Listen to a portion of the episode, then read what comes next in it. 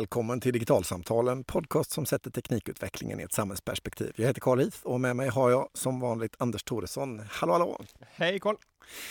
Vi har ju vid eh, olika tidpunkter kört ganska liksom nördigt praktiska program. Eh, vi har till exempel eh, ägnat en halvtimme åt att bara prata e-post. Vi har också pratat om hur man söker information och eh, många, eh, ja, i varje fall en del sådana avsnitt. Och ett område som både du och jag fortfarande brottas med och där vi inte är liksom klara över den ultimata lösningen på något sätt. Det är det här med att hantera information i en informationsflod. Och då kanske egentligen floden i dess vidaste mening. Att eh, I ens vardag så läser man en bok, man tar ett foto, eh, man hör någonting på en podcast eller vad det kan vara. Och den här informationen den vill man på något sätt spara och mm. eh, kunna komma tillbaka till senare. Mm. Det kan vara för att man vill göra ett föredrag eller en presentation eller som i ditt fall kanske skriva en artikel. Eh, eller helt enkelt bara ha, ha den för att man vet att det här är en information som jag vill kunna återvända till. Eh, och då är min fråga Anders, vad, vad är din universallösning? Du har inte riktigt kommit dit än. Nej, jag, jag har inte gjort jag, jag skulle bara först vilja säga liksom, lite grann varför vi tycker att ett sånt här avsnitt passar in i digitalsamtal, där vi pratar om, om eh, teknikutveckling i ett samhällsperspektiv. I, I avsnitt 6 så hade vi ett avsnitt som, där vi pratar om att genom att använda tekniken på ett smart sätt så, så kan man också göra bättre ifrån sig i, i någon mening, i både liksom professionellt och i privatlivet och att det här därför är eh, en, en del utav den här teknikutvecklingen, att faktiskt förstå och kunna använda tekniken på rätt sätt. Ja, absolut, och det, man ska väl också säga det att eh, egentligen alltså, skulle man bli riktigt eh, samhällsnördig så handlar det också om frågan om minnesanteckningar och hur, hur hanterar man minnesanteckningar ja, på ett bra men, sätt. Men absolut. Men, men, men, men, men med det sagt så, så mitt, mitt konkreta och faktiska problem där jag hoppas att, att ditt och mitt samtal kanske kan leda lite framåt, men där kanske också lyssnarna i eh, kommentarer kan, kan bidra med hur de har löst det här. Det handlar just om det här att, att jag har ett system, eh, kan man kalla det, med, med eh, Twitter, med Facebook, med nyhetsbrev, med bloggar jag följer, med tidningar jag prenumererar på, med podcast som jag lyssnar på, som ser till att jag översköljs utav saker och ting som intresserar mig, delvis privat men framförallt i jobbet som frilansande IT-journalist. Så att jag håller mig uppdaterad om teknikutvecklingen i dess vidaste bemärkelse, hittar artikeluppslag, intressanta personer att intervjua och så vidare. Och det här systemet som, som fångar sånt som jag är intresserad utav, det fungerar. Jag hittar mycket intressant. Och även nästa steg att hantera det som jag inte hinner läsa med en gång eller lyssna på med en gång fungerar. Eh, podcastens hamnar i Overcast och väntar på, på, på, sin tur där och det jag inte hinner läsa med en gång det sparar jag till en tjänst som heter Instapaper och så kan jag läsa den när jag har tid. Utan mitt problem, det är det som händer i nästa steg. När, när jag har läst någonting och konstaterat att det här är faktiskt intressant. Men jag behöver inte den här kunskapen som jag hämtade från den här artikeln eller från det här seminariet eller från den här boken här och nu. Det är inte relevant för någonting som jag ska producera till en redaktör den här veckan, utan jag har en, däremot en aning om och liksom med tiden blir den aningen ganska stark, att det här är någonting som jag vill kunna referera till eller gå tillbaka till om ett år eller om två år. Ett typexempel är att jag har haft ett ganska omfattande researchuppdrag åt integritetskommittén under det senaste året. Jag har läst jättemycket akademisk forskning om hur eh, teknikutvecklingen påverkar den personliga integriteten. Och det här är ett sånt typexempel där, där jag hade glädje av det i det här uppdraget åt integritetskommittén.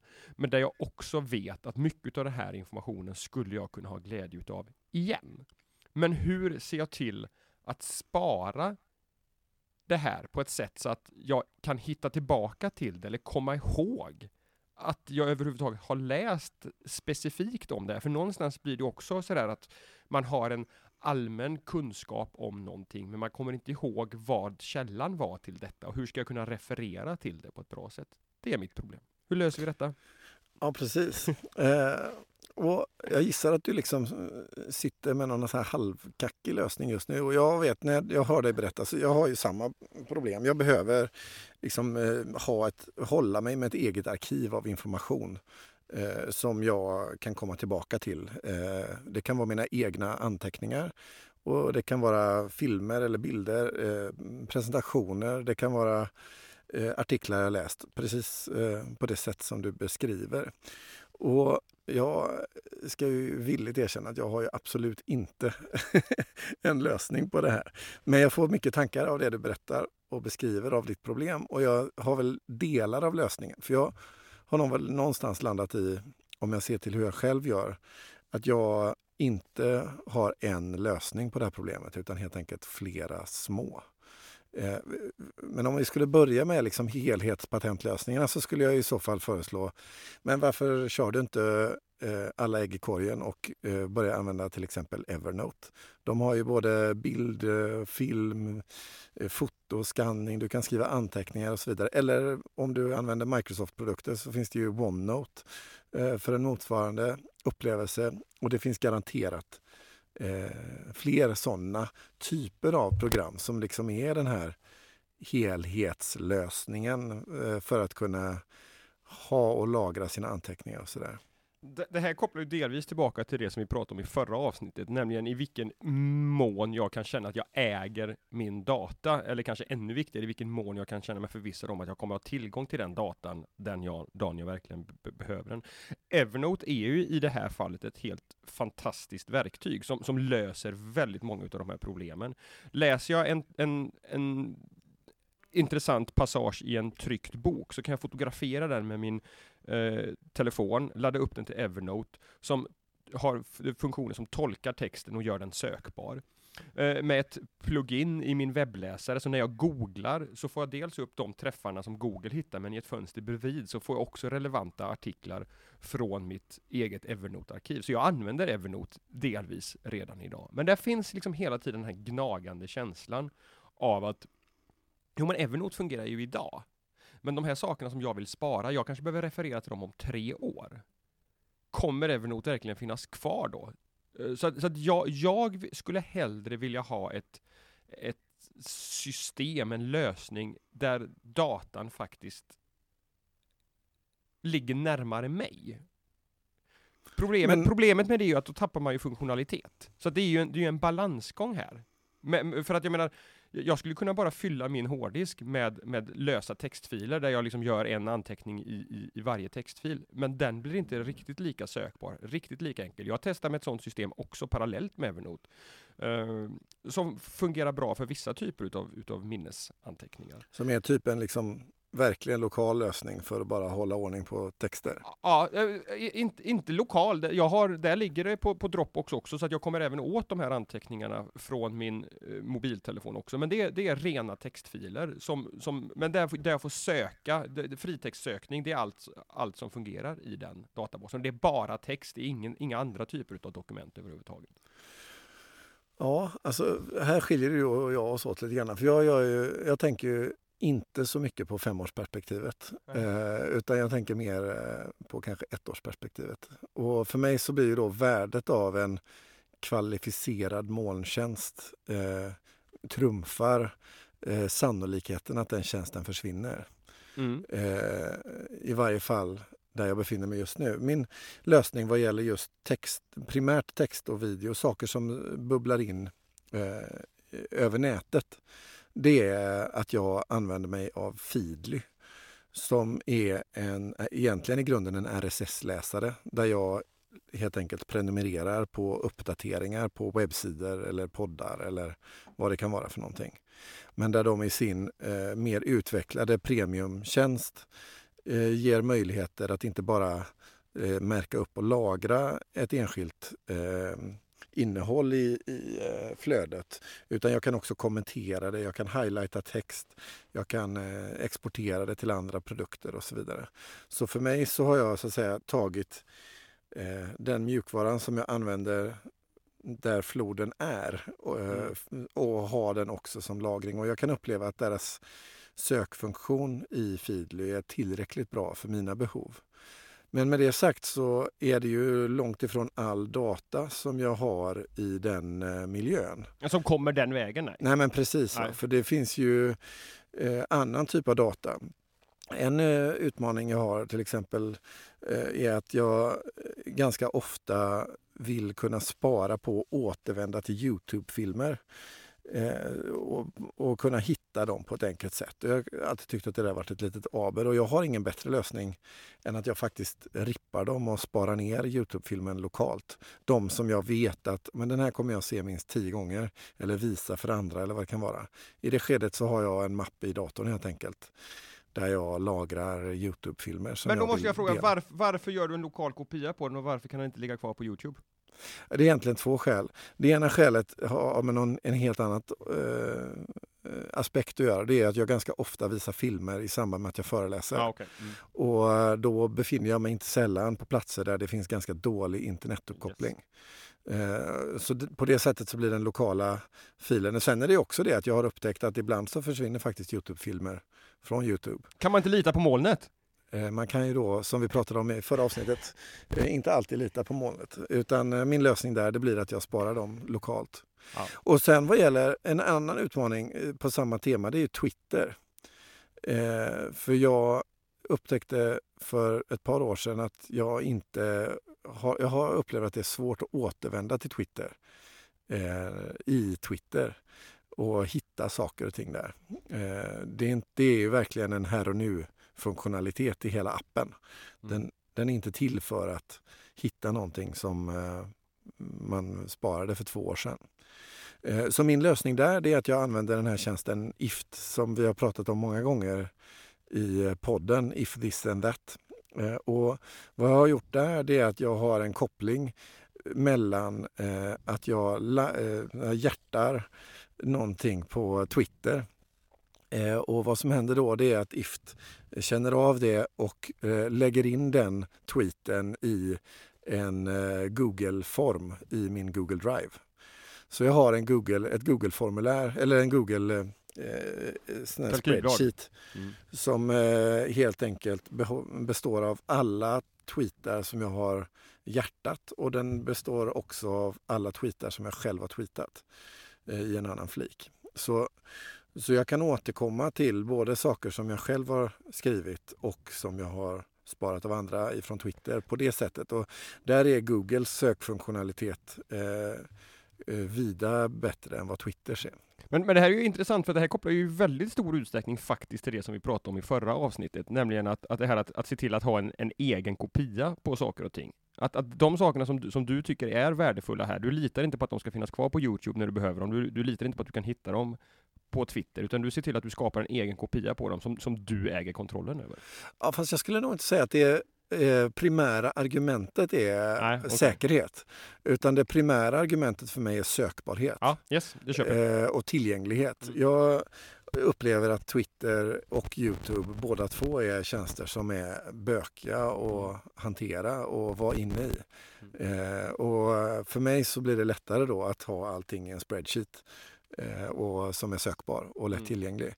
Men så i mitt fall så har jag liksom löst eh, ditt huvudproblem eh, genom att liksom ha många olika små lösningar för mm. olika typer av data helt enkelt. Jag menar, det, primära lösningen som jag har det är helt enkelt att jag försöker att ha en välorganiserad dator eh, med liksom en god mappstruktur med eh, väl uppmärkta filer och mappar så att jag lätt hittar saker och ting. Mm. Eh, och är det då så att jag har en film eller jag har fotat av en bok eller vad det är för någonting så är min organisering i datorn på ett sånt sätt så att jag hittar den. Eh, sen när jag har en lite högre stresskurva då märker jag att jag kan se det på mängden ikoner som har dykt upp på skrivbordet. Eh, för då tar jag mig inte tiden att liksom döpa saker eller lägga det på rätt sätt utan då hamnar det på skrivbordet och så får jag liksom vid något tillfälle rota i det.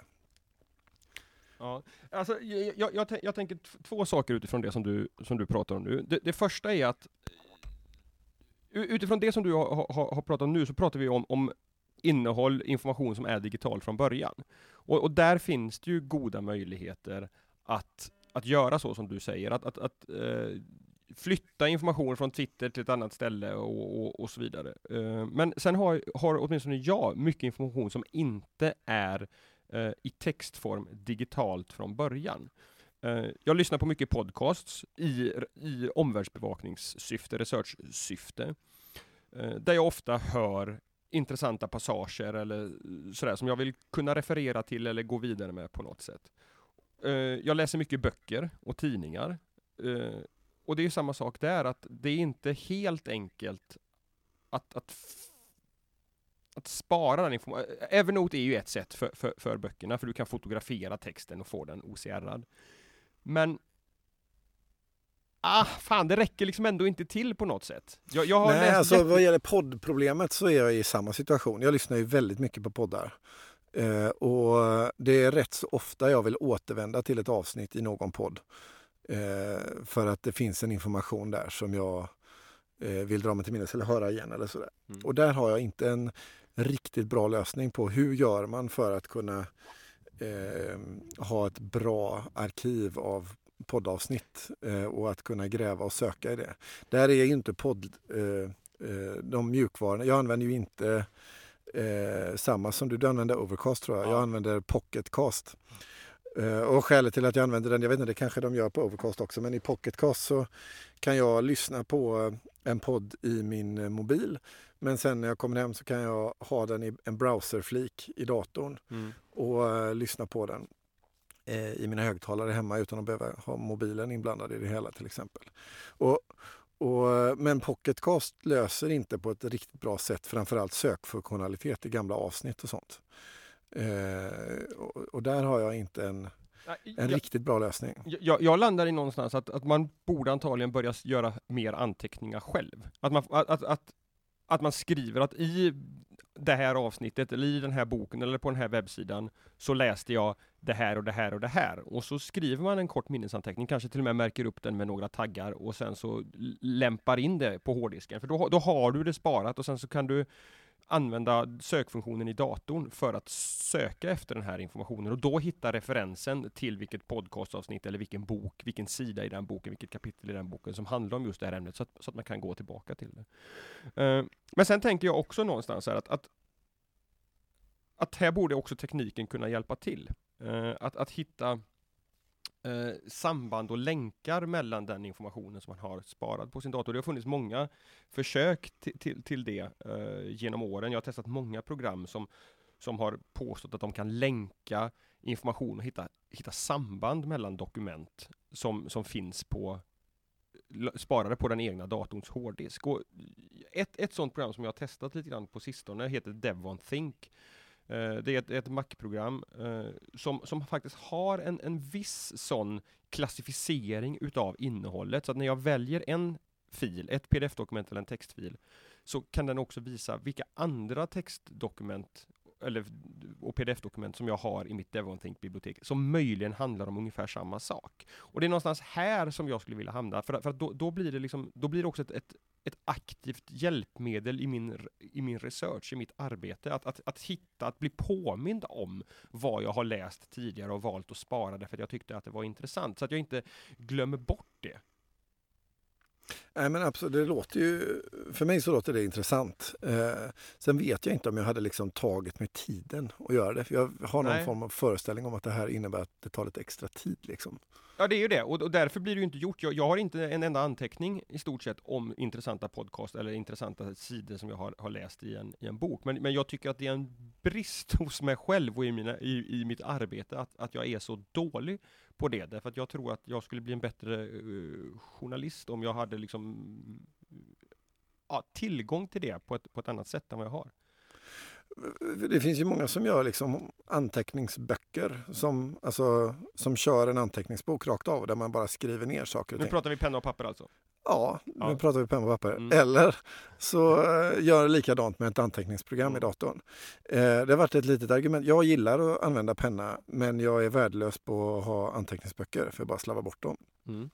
Uh, men men eh, det har fått mig att fundera över någon sån här dator som har pennfunktion. Mm. Eh, nu sitter jag med en, eh, med en vanlig laptop i min vardag. Men, eh, men eh, någon maskin som kör eh, med penna är jag lite sugen på för det skulle möjligen innebära en annan typ av interaktion med den här typen av dokument. som finns och mm. möjligheten för mig att göra enklare anteckningar. Mm. Men det är oprövat. Jag har liksom en naiv föreställning om att det, det där kanske är lösningen på mitt problem. Alltså, jag, jag, jag gör så emellanåt, eller liksom i, i långa perioder. Jag, jag, har anteckningsböcker bredvid mig när jag sitter och läser. Eh, jag brukar ta med mig min iPad eh, och gå till ett café och läsa igenom liksom 30 sparade artiklar och då har jag en anteckningsbok vid sidan av där jag skriver upp det som är, som är intressant och, så och, och, det som är konkreta artikelidéer, det för jag sen in, för det, liksom det, det har jag kontroll på. Jag har liksom en lång lista med artikelidéer och så vidare. Men men sen skriver jag också upp massa liksom på här, bara intressanta tankegångar eller sånt som dyker upp i de här böckerna. Men då är ju det, liksom, det är ju kvar i den här anteckningsboken. Och, ska och inte ihåg. sökbart. Och, och inte sökbart och inte mm. in, liksom så. Uh, jag blir förtvivlad. och, och någonstans så, nej men det blir intressant för det är ju dels utmaningen att den analoga världen som möter den digitala och hur gör det för att få in den analoga världen i ditt digitala system. Mm. Eh, men sen den andra utmaningen som handlar om att det är olika typer av digitala material. Eh, podden har en, liksom, ett format på sig som inte enkelt låter sig antecknas i relation till andra typer av material.